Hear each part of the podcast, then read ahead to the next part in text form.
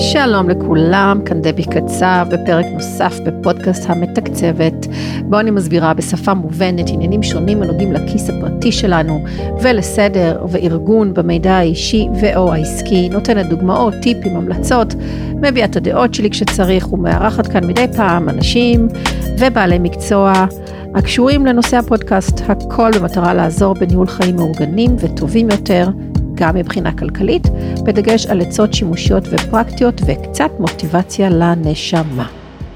הפעם פרק סולו בנושא מתוך עולם ניהול המידע האישי. הסמארטפונים שלנו. הסמארטפונים שלנו הביאו איתם המון דברים, רובם נהדרים וחלקם פחות. אחד הדברים שהם הביאו איתם הוא המצלמות. האם מצלמות הם דבר טוב או רע? התשובה היא כמובן שגם וגם, כי כמובן שאנחנו בני אדם לקחנו את הדברים הטובים שמצלמות בטלפון מאפשרות ולקחנו אותם לכיוונים לא טובים, כמו שאנחנו בני אדם נוהגים לעשות עם הרבה דברים ובמיוחד עם טכנולוגיה. אז אני רוצה להתחיל בסקירה של הדברים הטובים והרעים שהביאו לנו מצלמות ואחר כך אנחנו נדבר על כמה יותר לעומק. אז נתחיל בדברים הטובים. נוחות, עם מצלמות הסמארטפונים אנחנו אה, לא צריכים לשאת מצלמה נפרדת כדי ללכוד רגעים יומיומיים, אנחנו יכולים לצלם תמונות וסרטונים בקלות ובמהירות. עוד דבר טוב זה הקישוריות החברתית. המצלמות של הסמארטפון מאפשרות לנו לשתף בקלות את כל התמונות והסרטונים שלנו עם החברים והמשפחה בפלטפורמות השונות, הוואטסאפ, מה שעוזר לנו להישאר מחוברים ומעודכנים זה בחייו של זה בכל רגע נתון ולא משנה המרחק הפיזי. עוד דבר טוב זה יצירתיות, המצלמות האלו מאפשרות לכל אחד. אה, להיות צלם או צלם וידאו ועם התכונות כמו פילטרים, עריכה, כלי עריכה ויכולת לצלם במצבים שונים, אז המצלמות של הסמארטפון העצימו אנשים לבטא את היצירתיות שלהם ולהציג את העבודות שלהם. ועוד דבר טוב זה שהן באמת עוזרות לנו לתעד רגעים חשובים אה, בצורה מאוד מאוד קלה, אה, כל אירוע, סיום לימודים, חתונות, ימי הולדת, ולשמור אותם כזיכרונות. עכשיו אני אדבר קצת על הדברים הפחות טובים, שלא לומר הרעים. הסחת דעת. אנשים הפכו לכל כך ממוקדים בלצלם את הצילום המושלם עם אה, מצלמות הסמארטפון שלהם, שמפספסים את החוויה של הרגע עצמו. אנחנו מכירים את זה מכל ההורים שמצלמים את הילדים שלהם בגן, בבית הספר, במקום, ו, ו, ורואים את הילד ואת את מה שקורה בעצם כמה מטרים מהם דרך הטלפון ולא מסתכלים ישירות על הילד. אפשר לדבר על סלפיז, אה, שגם שם יש אפילו דברים מסוכנים שקורים עם סלפיז. Uh, Uh, עוד דבר פחות טוב הוא מה שנקרא התנהגות משבשת. במקרים מסוימים השימוש במצלמות סמארטפונים במקומות ציבוריים עלול להפריע ואף מסוכן. לדוגמה, שאנשים שעשויים uh, לצלם תמונות וסרטונים בזמן נהיגה או הליכה, מה שעלול להוביל לתאונות, וכמו שאמרתי קודם, בסלפי זה, זה קורה לא מעט. Uh, התמכרות, הנוחות של מצלמות הסמארטפונים מובילה גם להתמכרות ל... לה... הפלטפורמות של המדיה החברתית והצורך המתמיד לצלם תמונות וסרטונים כדי שיהיה לנו מה לשתף בפלטפורמות האלו. ושניים אחרונים, קודם כל הדאגה לפרטיות. מצלמות הסמארטפונים מקלות עלינו לחדור לפרטיות של אחרים על ידי צילום תמונות וסרטונים ללא הסכמתם. וזה עניין שהפך לדאגה גדולה, במיוחד עם עליית הפלטפורמות של המדיה, המדיה החברתית, שבעצם אנשים מעלים לשם תמונות וסרטונים בלי שביקשו רשות מאנשים שהם צילמו. והדבר האחרון ברשימת הדברים הפחות טובים של הסמארטפונים, אה, של המצלמות בסמארטפונים שלנו, הוא האחסון ללא גבולות, אני קוראת לזה. בגלל הנוחות, שוב, הנוחות של צילום תמונות וסר, וסרטונים על ידי הסמארטפון, אנשים, או כולנו, נוטים לשמור ולאחסן את הקבצים האלו של התמונות והסרטונים בטלפון עצמו ו/או בענן, ללא הבנה או התייחסות למשמעויות של האחסון הזה. בפרק הזה אני רוצה להתייחס ולהרחיב ספציפית על שתי הנקודות האחרונות, הפרטיות והאחסון ללא גבולות, בתקווה, באמת, יש לי איזה תקווה קטנה בלב, שאני אצליח להגיע ולהשפיע, ולו רק על כמה עשרות, אולי מאות אנשים. אלפים, אני, אני בספק, אבל אולי כמה עשרות ומאות. אוקיי, אז אני אתחיל בנושא של הפרטיות. אתם מכירים את זה שאתם מגיעים לכינוס כלשהו, בעבודה, בבית הספר, הרצאה, כנס וכדומה, ואנשים מסתובבים שם עם הטלפון של, הטלפונים שלהם ומצלמים לא רק את עצמם, מצלמים את הכל. כולל את האנשים שנמצאים שם לידם, סביבם, והכל כמובן ללא בקשת רשות והסכמה. עכשיו אני לא מדברת על אירועים שבהם זה ברור שיצלמו אותנו כל הזמן, במיוחד אה, צלמים מקצועיים שיש שם, שלשם כך הביאו אותם, אה, אירועים כגון חתונות, בר מצוות, דברים כאלה, הרי אנחנו כבר יודעים העניין של הצילום הוא בילט אין במקומות האלה מאז ומעולם, ואנחנו מגיעים אליהם כבר מה שנקרא פוטו רדי, אנחנו מגיעים מוכנים, אנחנו לבושים היטב, מסורקים, מאופרים, אנחנו יודעים שזה, שיהיה את העניין הזה שם. אז אני לא מדברת על זה, אני מדברת על יום יום, במיוחד במקומות שאנחנו הולכים ויש שם עוד אנשים, כן?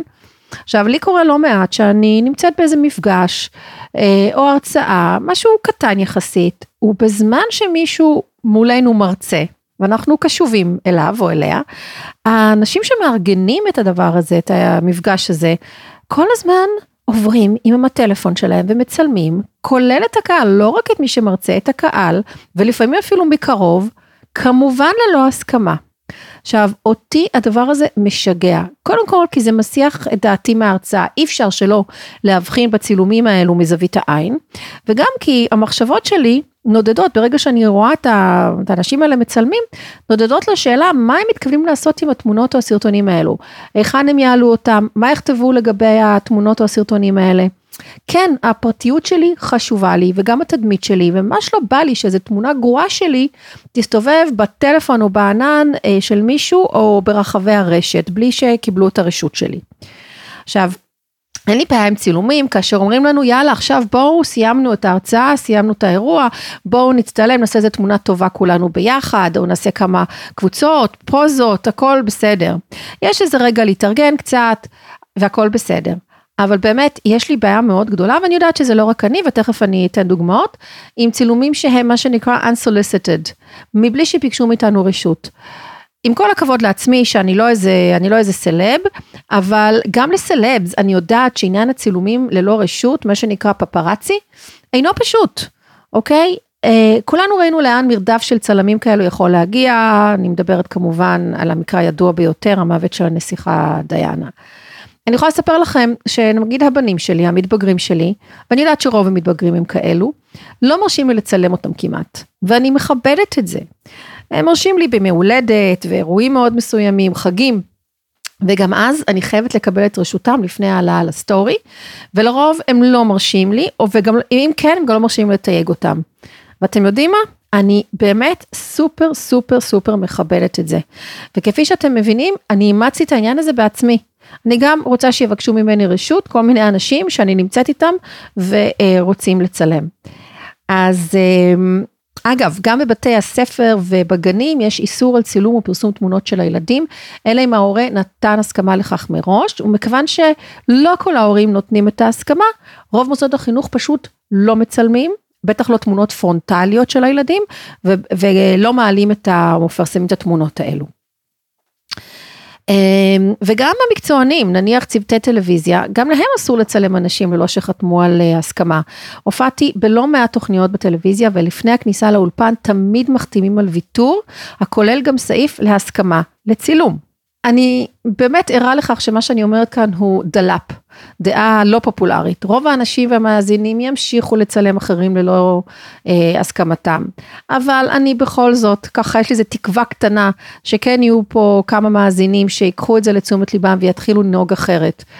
מספיק אה, זה שאנחנו, או העובדה שאנחנו מצולמים כל הזמן במרחב הציבורי על ידי מצלמות אה, מעגל סגור, מה שנקרא CCTV, של העיריות, בבניינים, בכבישים, כאילו למה צריך בנוסף שגם יצלמו אותנו כל מיני אנשים פרטיים, בלי, בלי לשאול אותנו.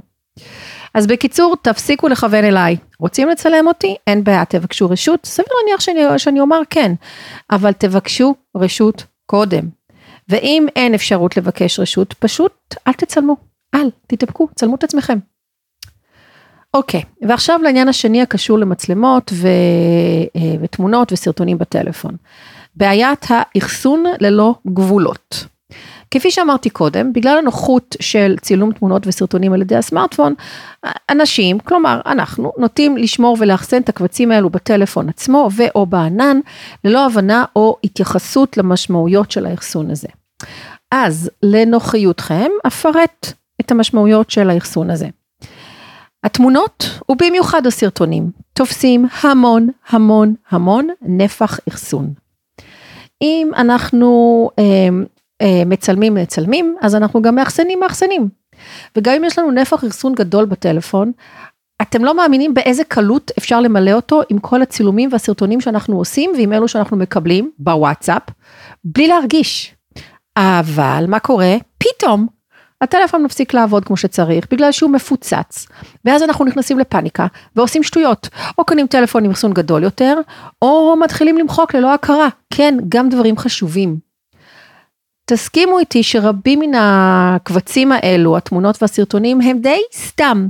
או תמונות לא טובות, או סרטונים גרועים, או כפילויות, או סתם קבצים כאלה של אה, בוקר טוב, שבת שלום, וכל מיני סרטוני אווירה כאלה שקיבלנו, שאנחנו בכלל לא צריכים, לא צריכים, כאילו ראינו, אולי צפינו בהם פעם אחת, זהו, לא צריכים יותר, הם לא, לא חשובים לחיים שלנו. בוא, בוא נגיד שלפחות 50% מה, מכל המדיה שאנחנו שומרים היא כזאתי, אם לא יותר. עכשיו, מעבר לאחסון בטלפון, הסמארטפונים עובדים כך שבאופן אוטומטי, הקבצים האלו מגובים גם בעננים, בגוגל פוטוס לבעלי אנדרואיד או באייקלאוד לבעלי אייפון. אז מה שקורה זה שגם נפח האחסון בעננים האלו מתמלא מהר, במיוחד האחסון החינמי שהוא לא גדול.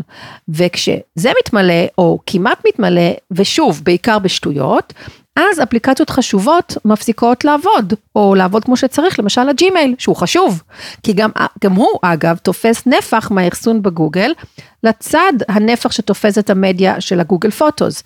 אז מה הצעד הבא שעושים? זה לשלם לאפל או לגוגל, או לשניהם לפעמים, על האחסון, שזה בסדר, אני בעד, אבל גם כאן, למה לעבור לדרגת האחסון הבאה, שכמובן יקרה יותר, כדי לאחסן סתם שטויות? רגע, ויש עוד משהו, הוואטסאפ.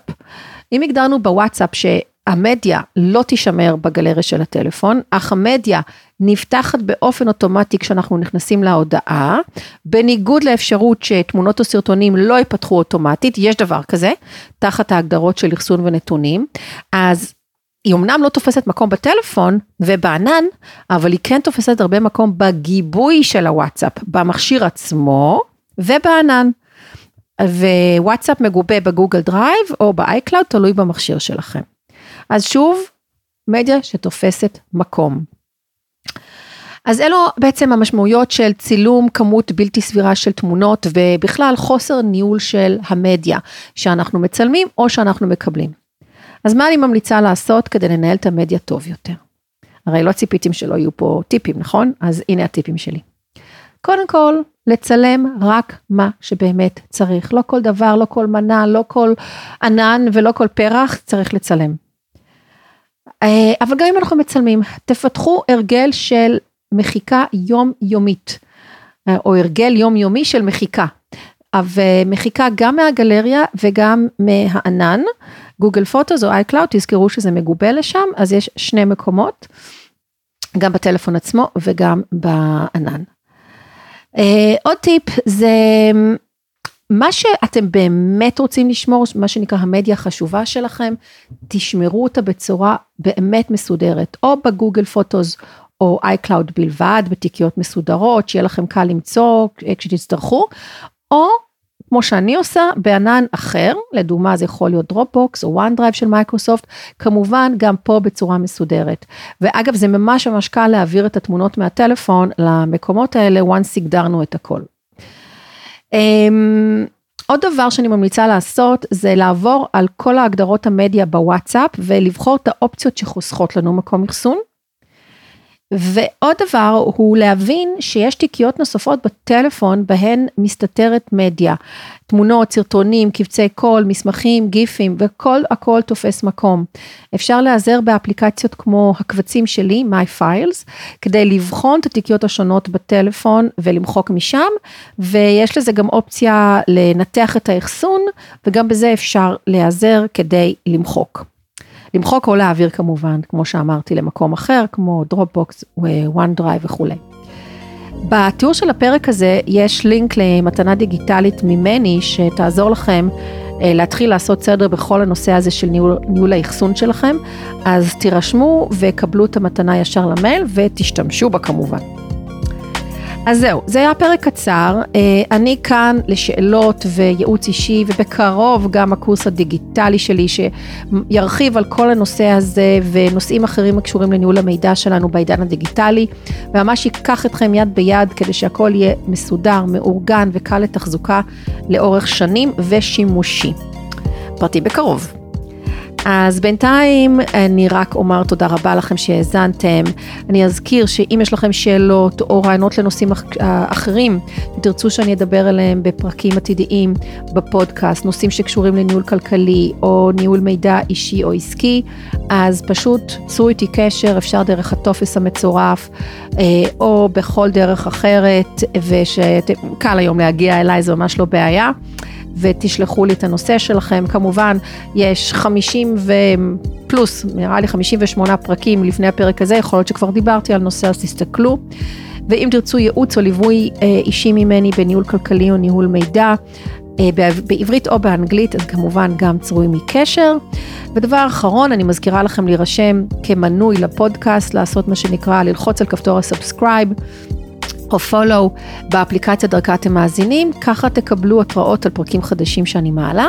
ואם אהבתם פרק מסוים ובא לכם להמליץ או להעביר אותו למישהו אחר, תשלחו לינק של הפרק אה, לחברים שלכם, אני ממש ממש אשמח ואודה לכם.